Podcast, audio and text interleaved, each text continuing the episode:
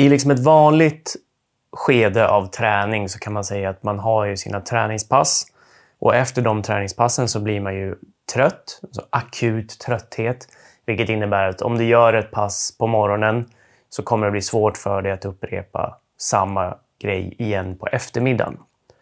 Och ännu mer så direkt efter. Och det är ju då på grund av att efter träningspasset eller på grund av träningspasset så får man en akut nedsättning av prestationsförmågan. Det är alltså en akut trötthet. Den här akuta fasen den varar ju allt från några timmar till några dagar beroende på liksom hur hårt och hur omfattande passet var. Så att man kan säga att definitionen av akut trötthet är väl att inom några dagar så ska du ha återhämtat dig, vilket innebär att du kan göra samma sak igen eller någonting ännu bättre. Då, kan man säga. I en period där du försöker att överbelasta av olika anledningar, vi kan komma in på senare varför man kan tänka sig att vilja göra det, så kan man då börja närma sig ett stadium av det som på engelska kallas för overreaching. Det finns inget bra svenskt ord för det, utan ofta översätts det bara till överträning, alltså att syftet är att överträna och överbelasta. Men overreaching innebär egentligen då, just att det är en, en överbelastning. Och det som händer då är att man kan få det som man kallar för en functional overreaching, där syftet är att du då ska få en på grund av då en, en lite mer kraftig överbelastning, alltså inte den här vanliga överbelastningen som man utsätter sig för när man tränar, utan en lite mer kraftig överbelastning, oftast genom en, en lite längre period av mer intensiv eller mer volym av träning, eh, så får man då en temporär sänkning av prestationsförmågan som går över med en kortare period av vila, vilket kan vara några dagar till någon vecka, och sen resulterar i en så kallad superkompensation. Vilket innebär då att du blir mycket bättre än du var tidigare. Alltså du får en, en större höjning av din prestationsförmåga än du får av din vanliga träningsrutin. Som ju också såklart leder till prestationsförbättringar, men kanske lite mer gradvis och lite mer på sikt. Då. Så en sån här overreaching-fas, om det resulterar i det man kallar för functional overreaching, så innebär det alltså en, en temporär sänkning av prestationsförmågan som går över med träning inom någon vecka kanske. Och sen leder till en superkompensation, alltså där du får en, en större höjning av prestationsförmågan än du annars skulle fått om du bara tränar på vanligt. Det som kan hända dock är att man får något som kallas för non-functional overreaching. Vilket innebär att du får den här stora prestationssänkningen av den intensifierade träningen. Men den här sänkningen går inte över med vila på kort sikt, utan det tar längre tid. Alltså det kan ta flera veckor. Här är en del av snårigheterna. När är det functional overreaching och när är det non-functional overreaching? En av de stora grejerna är att du får inte den här superkompensationen när du har en non-functional overreaching. Alltså att du får prestationssänkningen, det kan ta längre tid för den att gå över än, än när du är liksom en funktionell overreaching. Och sen så får du inte superkompensationen utan du går tillbaks där du var innan du gjorde den här intensifierade träningsperioden. Vilket innebär att det var mer eller mindre bortkastad tid och du hade lika gärna kunnat träna på som vanligt och så hade du inte mått dåligt under den här perioden när du intensifierade träningen. Eh, du hade kommit till samma nivå ändå. Det här går egentligen bara att se retrospektivt. Och det är samma med det som gäller när det som kallas för the overtraining syndrome. Som är liksom, det är väl det som man på svenska kallar för överträningssyndromet. Då och det är ju då ett stadie där man har gått förbi all typ av overreaching, både functional och non-functional. Och det är så att du blir inte bättre med vila. Du har kommit till ett stadie där du på något sätt har skadat kroppens balans så mycket att du trots vila inte återfår din prestationsförmåga. Och det är ju absolut inte kul eller någonting som tar lång tid att, att bli bra ifrån om man ens blir det jag tror nog att alltså du som tittar på det här och de som tittar på det här, att det är ganska få som eh, faktiskt tittar på det här. Men det är också ganska få som någonsin kommer drabbas av överträningssyndromet. Det är ju framförallt då när det gäller personer som tränar väldigt mycket och som framförallt har andra krav i livet har man sett. Alltså att det är eh, stressorer i övrigt som livsstressorer, problem med kosten, problem med sömn, sådana här bitar som samverkar. Alltså det här överträningssyndromet det leder till problem med sömn och sådana bitar. Men om man då också har ett sömnproblem så gör det nog en mer sårbar för att hamna där. Och har man problem med att få i sig tillräckligt med energi och sådana här bitar så har man lättare att hamna där. Så där har du liksom hela spektrat från normal eh, trötthet av träning till det här överträningssyndromet. Då. Det jag tänkte att vi skulle foka lite på idag det är de här delarna som kallas för functional och non-functional overreaching. Alltså den här första delen med akut trötthet, det, det måste man ha i träning. Det, det, får man bara acceptera, annars är det bara motion och, och, det är fine, men då kommer man inte bli bättre. Liksom, utan då kommer man bara behålla sin nivå. Och det, det, kanske, det är bra, men, men då är man kanske inte så intresserad av att lyssna på det här.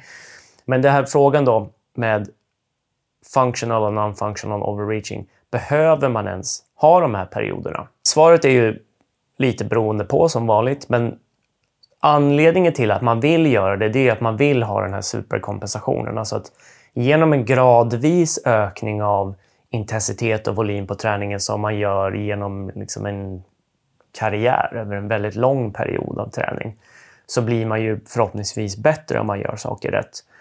Men till exempel då inför viktiga tävlingar eller så, så kanske man vill ha då en period av lite mer överbelastning följt av en eh, taper-period. En, eh, vad kallas det på svenska? Det kallas för toppning på svenska.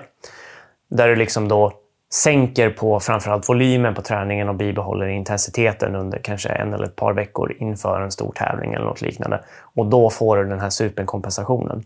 Ett annat tillfälle är ju då liksom om du vill om du vet att du kommer ha en period när du av en eller annan anledning kommer ha lite mindre träning så kan du lägga in en sån här intensifierad period före det för att då liksom utnyttja omständigheterna för att få en superkompensation. Och sen när du då börjar träna igen så ligger du på en högre nivå än du skulle varit om du hade eh, tränat på som vanligt. För då hade du liksom legat på ungefär samma nivå, sen haft den här perioden av minskad träning, om det är på grund av semester eller vad det nu kan vara för någonting. Och så, då blir det detrain som man kallar det, alltså att du, går ner i träningsstatus och då börjar du igen på en lägre nivå än det var på innan. Så i sådant tillfälle så kan man tänka sig en sån här intensifierad period. Så det, det, finns liksom, det finns anledningar till att göra det här. Men man bör se upp med det för att det är ganska svårt. Det är som sagt bara i efterhand som man kan veta om man har fått en funktionell överträningsperiod eller om man har haft en icke-funktionell överträningsperiod. Det beror liksom på hur lång tid det faktiskt tog att återhämta sig från överbelastningen och om man faktiskt blev bättre eller inte.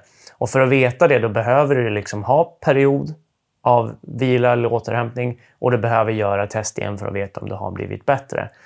Eh, bara det är ju ganska knepigt att få till i, i en vanlig eh, träningsperiod. Men även om du gör det då så är det först i efterhand som du vet om det faktiskt blev bättre eller inte. Så det är en, en lite av en gamble. Liksom. Det som vore bra då vore att ha ett sätt för att veta om, om man är på väg åt fel håll på något sätt. Och där tänkte jag att vi skulle komma in på en studie som kom eh, förra året, i, i november förra året, tror jag, eh, utfört av en grupp svenska forskare med bland annat eh, Mikael Flockhart i spetsen, som vi har haft med i Tyngre träningssnack, jag och Jakob, eh, åtminstone en gång, jag tror ett par gånger, och pratat med. Och han forskar mycket på mitokondrier och mitokondriefunktion. Och det man tänker är att mitokondriefunktionen påverkas av en sån här typ av eh, överbelastning, alltså icke-funktionell överbelastning. Och det, det, man skulle vilja ha för att slippa göra muskelbiopsier på folk, det är någon form av liksom mer kliniska eller mer lättillgängliga metoder för att ta reda på om man är på väg åt fel håll. Då. Så det de gjorde i en studie var att de utsatte ett antal individer, så det var 11 individer, för vansinnig träning. Där de gjorde, om det var fem högintensiva intervallpass på sex dagar eller något liknande.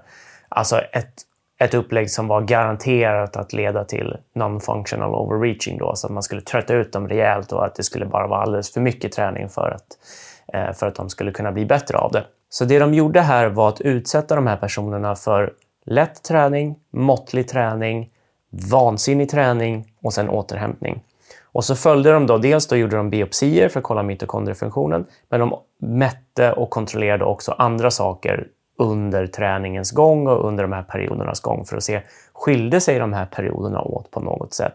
Och kan man i så fall då använda de här lite mer lättillgängliga metoderna för att identifiera att man håller på att gå in i väggen? Liksom? De gjorde massa mätningar här, men i slutändan så kom man fram till fem saker som man tyckte förutsade att folk mådde piss, liksom, att de presterade dåligt. Ehm, vilket man visste att de skulle göra under den här perioden av överbelastning.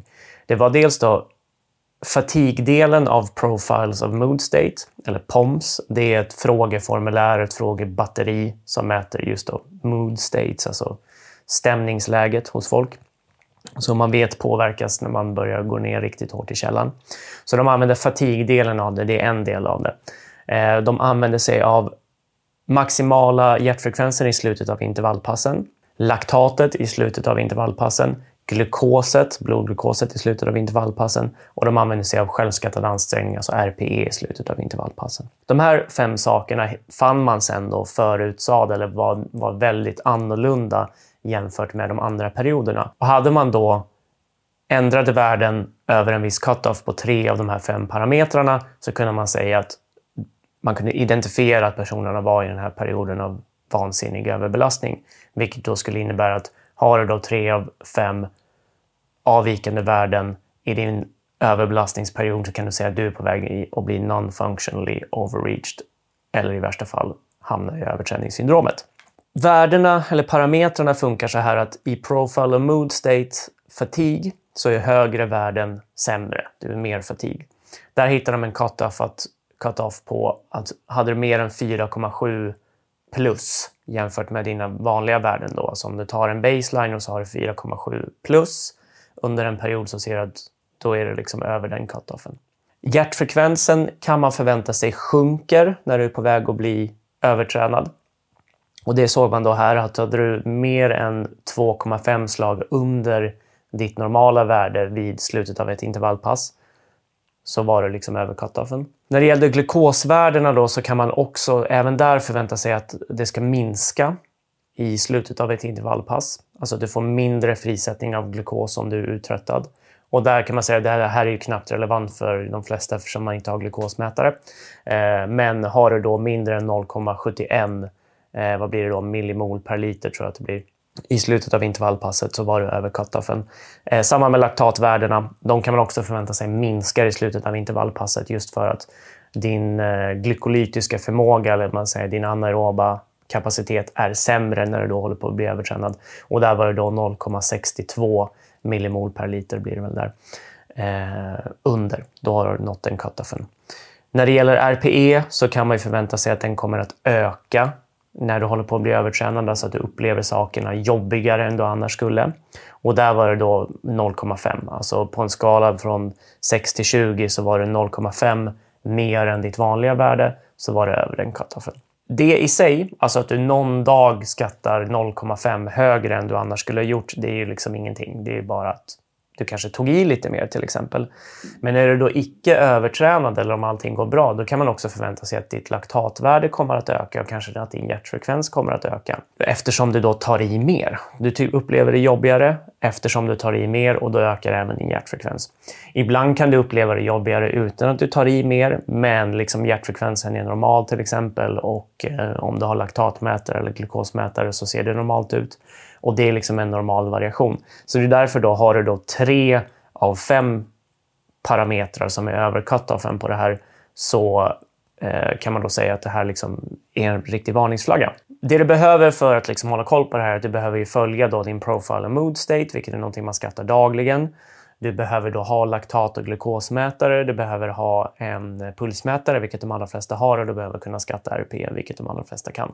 Det jag vill liksom förmedla här är kanske inte nödvändigtvis att man behöver göra alla de här sakerna, utan det, det kan man absolut göra om man vill göra det och jag tror att det, det är användbart för vissa att göra det. Men det jag vill förmedla är att man kan ha nytta av den här kunskapen för att följa sin egen utveckling även om man inte gör det så här slaviskt. Alltså att håller du koll på hur hårt eller hur jobbiga du tycker passen är. Håller du koll på din puls? Håller du koll på din faktiska prestation? Alltså vilken hastighet som du springer dina intervaller i eller vilken effekt som du har när du cyklar dina intervaller. Ehm, och kanske då om du liksom varje morgon skattar din trötthet på något sätt så kommer du nog kunna hitta när det börjar gå åt helvete. Liksom. Alltså att om du springer långsammare men ändå upplever det lika jobbigt och kanske till och med har lägre hjärtfrekvens, då är du där. Liksom. Då har du nått de här eh, tre parametrarna. Därför att du presterar sämre, du upplever det jobbigare på en lägre prestationsnivå och du har en lägre puls. Så det kan man liksom göra utan att behöva mäta glukos eller laktat. Då. Och jag tror att vill man ägna sig åt perioder av intensifierad träning, vilket som sagt det finns anledning att göra för vissa, så är det värt att faktiskt hålla koll på att det går åt rätt håll. För att annars finns det ingen poäng med att du gör det. Börjar det gå åt fel håll så behöver man backa av för du kommer inte vinna någonting på att köra den längre ner i källan. Utan du kommer troligen bara hamna i ett läge där, där du inte får den här superkompensationen och då var det inte värt det från början överhuvudtaget. Det var allt för idag. Jag ska plocka fram den där. Den här, jag har fortfarande kvar ett antal sådana här. Så är det någon som vill ha ett signerat ex så är det bara hojta. Eh, det kan man göra på Twitter, eller Instagram, eller Facebook eller e-mail. Eh, jag lägger in det, en liten skylt här efteråt eh, och i avsnittsbeskrivningen i poddvarianten. Annars så går den mycket bra att köpa på tyngre.se i deras shop där. Där finns även ljudbok. Då får man även med e-boken, för det tror jag att man behöver. Och så finns e-boken bara för sig, eller bara den här om man inte vill att jag ska förstöra den med min signatur. Så finns den att köpa där. Det var allt för idag. Vi ses och hörs när vi gör det.